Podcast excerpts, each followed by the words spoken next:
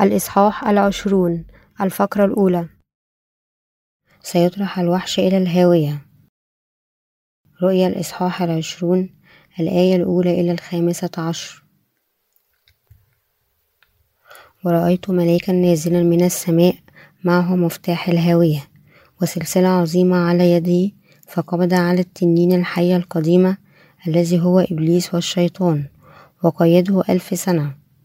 وطرحه في الهاوية وأغلق عليه وختم عليه لكي لا يضل الأمم فيما بعد. حتى تتم الألف سنة وبعد ذلك لابد أن يحل زمانا يسيرا. ورأيت عروشا فجلسوا عليها وأعطوا حكما ورأيت نفوس الذين قتلوا من أجل شهادة يسوع ومن أجل كلمة الله والذين لم يسجدوا للوحش لا لصورته ولم يقبلوا السمع على جباههم وعلى يديهم فعاشوا وملكوا مع المسيح ألف سنة. وأما بقية الأموات فلم تعش حتى تتم الألف سنة. هذه هي القيامة الأولى. مبارك ومقدس من له نصيب في القيامة الأولى. هؤلاء ليس للموت الثاني سلطان عليهم بل سيكونون آمنا لله والمسيح. وسيملكون معه ألف سنة. ثم متى تمت الألف سنة يحل الشيطان من سجنه؟ ويخرج ليضل الأمم الذين في أربع زوايا الأرض. مأجوج ومأجوج ليجمعهم للحرب الذين عددهم مثل رمل البحر. فصعدوا على عرض الأرض وأحاطوا بمعسكر القديسين وبالمدينة المحبوبة فنزلت نار من عند الله. من السماء وأكلتهم وإبليس الذي كان يضلهم طرح في بحيرة النار والكبريت حيث الوحش والنبي الكذاب. وسيعذبون نهارا وليلا إلى أبد الآبدين. ثم رأيت عرشا عظيما أبيض والجالس عليه الذي من وجهه هربت الأرض والسماء ولم يوجد لهما موضع. ورأيت الأموات وصغارا وكبارا واقفين أمام الله. وانفتحت أسفار وانفتح سفر آخر هو سفر الحياة. ودين الأموات مما هو مكتوب في الأسفار بحسب أعمالهم. وسلم البحر الأموات الذين فيه وسلم الموت والهوية الأموات الذين فيهما ودينوا كل واحد بحسب أعماله. وطرح الموت والهاوية في بحيرة النار هذا هو الموت الثاني. وكل من يوجد مكتوبا في سفر الحياة طرح في بحيرة النار التفسير الآية الأولى ثم رأيت ملاكا نازلا من السماء ومعه مفتاح الهاوية وسلسلة كبيرة في يده. لتعويض القديسين الذين جاهدوا من أجل الإنجيل بمكافأته سيمنحهم ربنا إلهنا هدية ملكوت السماوات لألف عام للقيام بذلك. يجب على الله أولا أن يأمر أحد ملائكته بالقبض على التنين ليحصره في الهاوية لألف عام.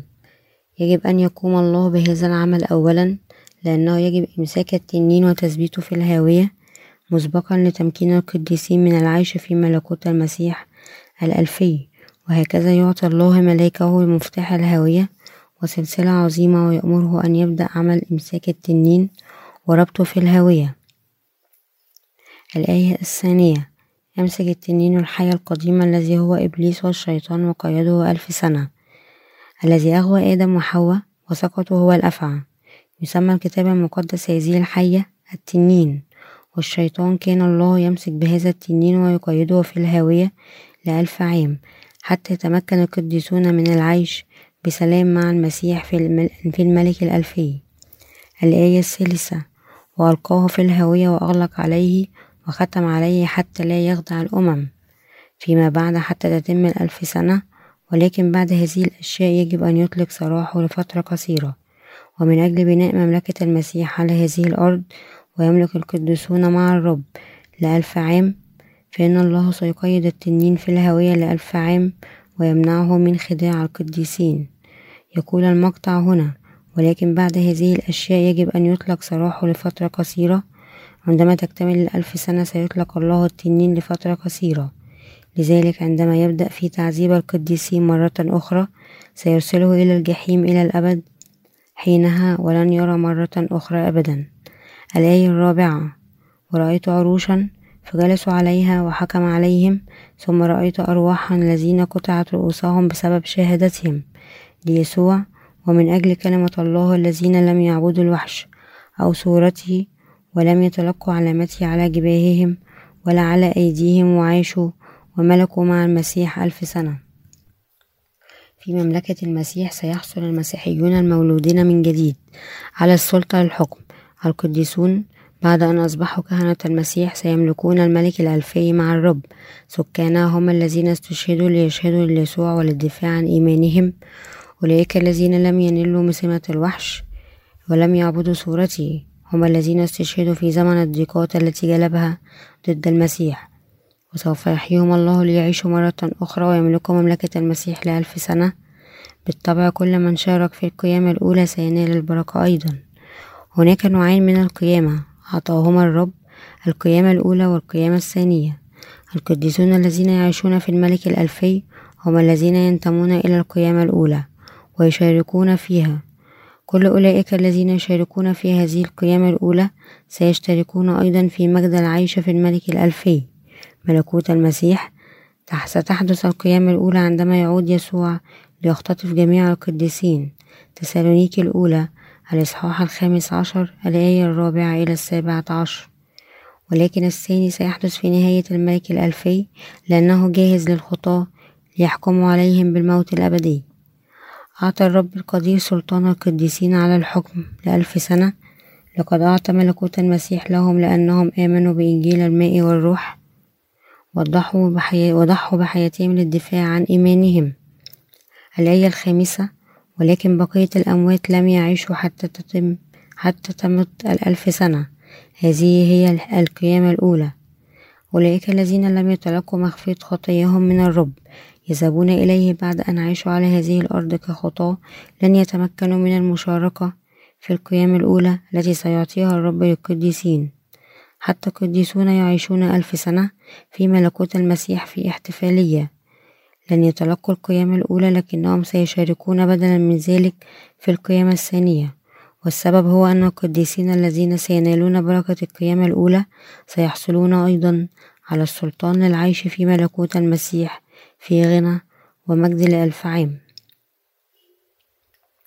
ومع ذلك سيسمح الله بالقيامة الثانية للخطاة. لماذا؟ لأنه في وقت القيامة الثانية أقامهم الله.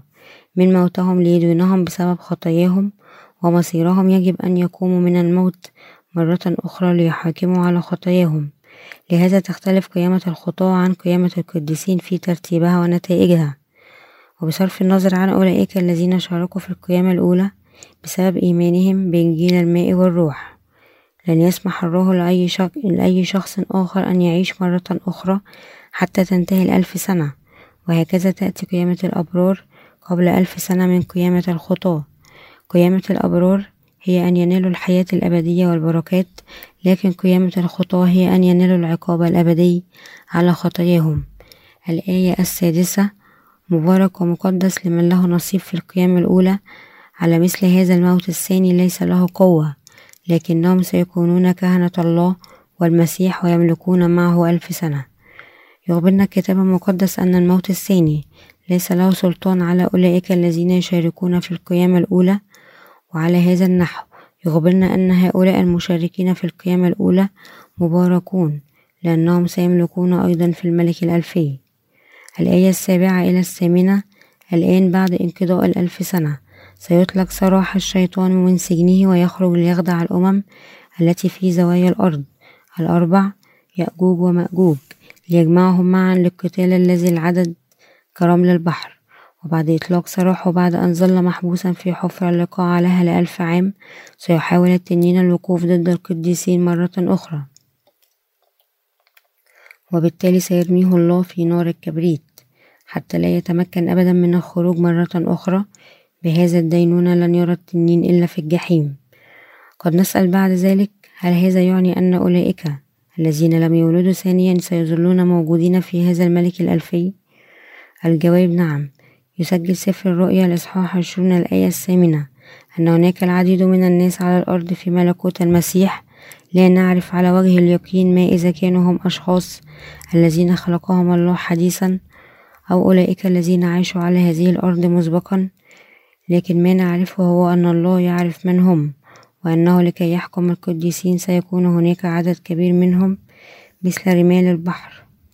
الحقيقة هي أنه عندما يعيش القديسون في ملكوت المسيح فإنهم سيظلون يرون أهل الأرض كانوا موجودين لخدمة القديسين وسيكون عددهم كبيرا مثل عدد رمال البحر وعلى الرغم من أنهم يتحدون مع التنين للوقوف ضد القديسين إلا أنهم سوف يدمرون جميعا بالنار التي جلبها الله.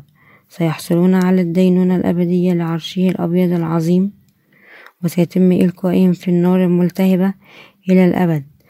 ومع هذا سيقترب الملك الألفي من نهايته ومن ذلك الحين فصاعدا سينتقل القديسون إلى السماء الجديدة والأرض حيث يعيشون إلى الأبد. الآية التاسعة صعدوا على عرض الأرض وأحاطوا بمعسكر القديسين والمدينة الحبيبة. ونزلت نار من عند الله من السماء وأكلتهم. التنين هو الشيطان الذي وقف باستمرار ضد الله. على الرغم من أنه كان يخدع أهل الأرض الذين يعيشون في مملكة المسيح ويهدد القديسين لأن الله قدير كان ينزل النار من السماء ويلتهمهم جميعا ويرمي التنين في النار الأبدية حتى لا يقف أبدا مرة أخرى ضده وضد قديسيه الآية العاشرة إبليس الذي كان يدلهم ألقى في بحيرة النار والكبريت حيث في الوحش والنبي الكذاب سيعذبون نهارا وليلا إلى أبد الآبدين بإلقاء التنين في بحيرة النار والكبريت. يضمن الله تعذيبه ليلا ونهارا. هذا هو دينونة الله البرة المعاناة التي يستحقها التنين وأتباعه. الآية الحادية عشر. ثم رأيت عرشا أبيض عظيما والجالس عليه من وجهه هربت الأرض والسماء ولم يوجد لهما مكان. بعد أن أكمل مكافأته للقديسين لألف عام. سيخلق الله الآن السماء والأرض الجديدتين وعيشين معهما إلى الأبد. في هذا المكان لتحقيق ذلك. يجب على الله أن ينهي جميع الأعمال التي قام بها حتى نهايتها وإغلاقها النهائي. هذا الإجراء الأخير هو أن يجلس الرب على العرش الأبيض كحاكم ويصدر حكمه النهائي على جميع المذنبين الذين سجلت أعمالهم في كتب الأعمال. باستثناء أولئك الذين كتبت أسماءهم في سفر الحياة. سينتهي حكم الله على الخطاب هذا ومع ذلك الحين سينفتح مجال السماء والأرض. ربنا سيجعل السماء والأرض الجديدة تختفي ويخلق العالم الثاني من السماء والأرض الجديدتين ويسمح للقديسين بالعيش في هذه المملكة السماوية. بحسب ما هو مكتوب في كتابه في الحياة وأسفار الدينوي الدينونة فإن الله يعطي السماء والأرض الجديدتين لمجموعة من الناس ويعاقب الآخرون بالجحيم. الآية الثانية عشر ورأيت الأموات الصغار والكبار واقفين أمام الله. وكتب وكتب انفتحت وافتتح كتاب آخر هو كتاب الحياة. وكان الموتى يحكمون حسب أعمالهم بما هو مكتوب في الكتب. ستحدد دينونة المسيح في هذا الوقت العقوبة النهائية هي أنه سيصدر جملته الأخيرة على الخطاة بعقوبة الجحيم. سيحكمون حسب أعمالهم كما هو مسجل في كتاب الدين وهكذا يموت الخطاة مرتين. موتهم الثاني هو معاناة الجحيم التي يصفها الكتاب المقدس بالموت الأبدي. لا يستطيع المذنبون الهروب من عقاب الجحيم لذلك يجب عليهم أن يسعوا بعد أن يتعلموا كلمة إنجيل الماء والروح. بينما هم لا يزالون يعيشوا على هذه الأرض يؤمنون بها وبالتالي ينالون بركة كتابة أسمائهم في سفر الحياة. الآية الثالثة عشر أسلم البحر الأموات الذين فيه وسلم الموت والهاوية. الأموات الذين فيهم فكانوا يحاكمون كل واحد حسب أعماله. لقد سلمت الجحيم الموت الذين كانوا فيها لأن كل الخطاة يجب أن ينالوا الدينونة النهائية. على خطاياهم الأماكن الموصوفة في هذا المقطع الموت والجحيم. تشير بشكل خاص إلى الأماكن التي سيسجن فيها عبيد الشيطان الذين خدعوه ووقفوا وأخطأوا ضد الله وهم تحت سيطرته أثناء حياتهم. على هذا النحو أينما يعيش الناس يجب أن يدركوا من أن ينتمون إليه مهم للغاية أولئك الذين عملوا كخدام للشيطان وأثناء وجودهم على هذه الأرض سيقومون من بين الأموات مع قيامة العقوبة لينالوا دينونتهم. لكن أولئك الذين خدموا إنجيل الماء والروح ينتمون لقيامة الحياة الأبدية وبركاته. لذلك يجب على الناس أن يدركوا أثناء وجودهم على هذه الأرض أن إنجيل الماء والروح اللذين مسح بهما الرب خطايا البشرية. له أهمية قصوى.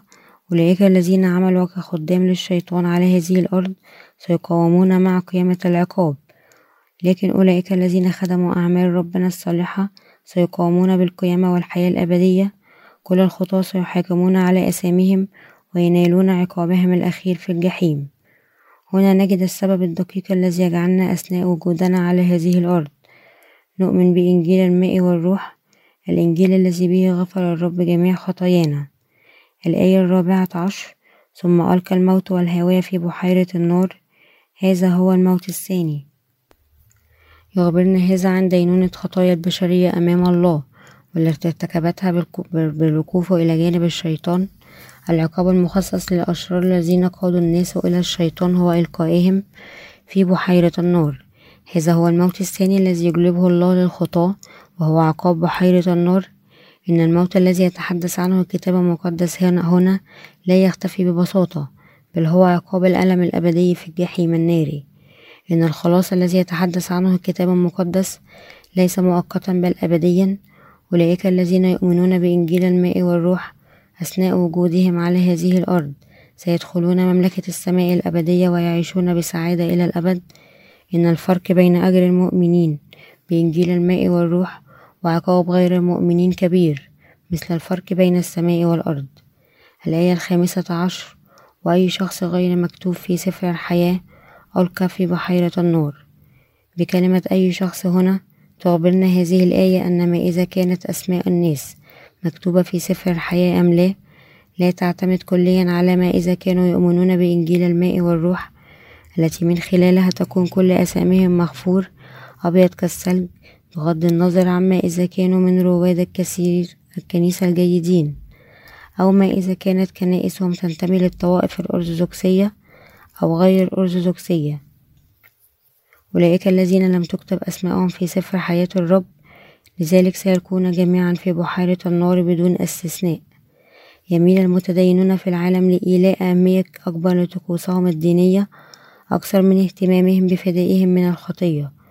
ولكن عند الوقوف أمام الله إذا لم يكن إنجيل الماء والروح اللذين أعطاهما يسوع موجودا في قلب المرء فإن يكتب اسم هذا الشخص في سفر الحياة ومن ثم يلقى أيضا في بحيرة النار حتى لو كان مسيحيا جيدا. لذلك بينما أنت لا تزال تعيش على هذه الأرض فأنت يجب أن تسمع بأذنيك. إنجيل الرب للماء والروح الذي جعل كل ذنوبك تختفي. ويجب أن تؤمن به من كل قلبك. ستحصل بعد ذلك على مجد كتابة اسمك في سفر الحياة.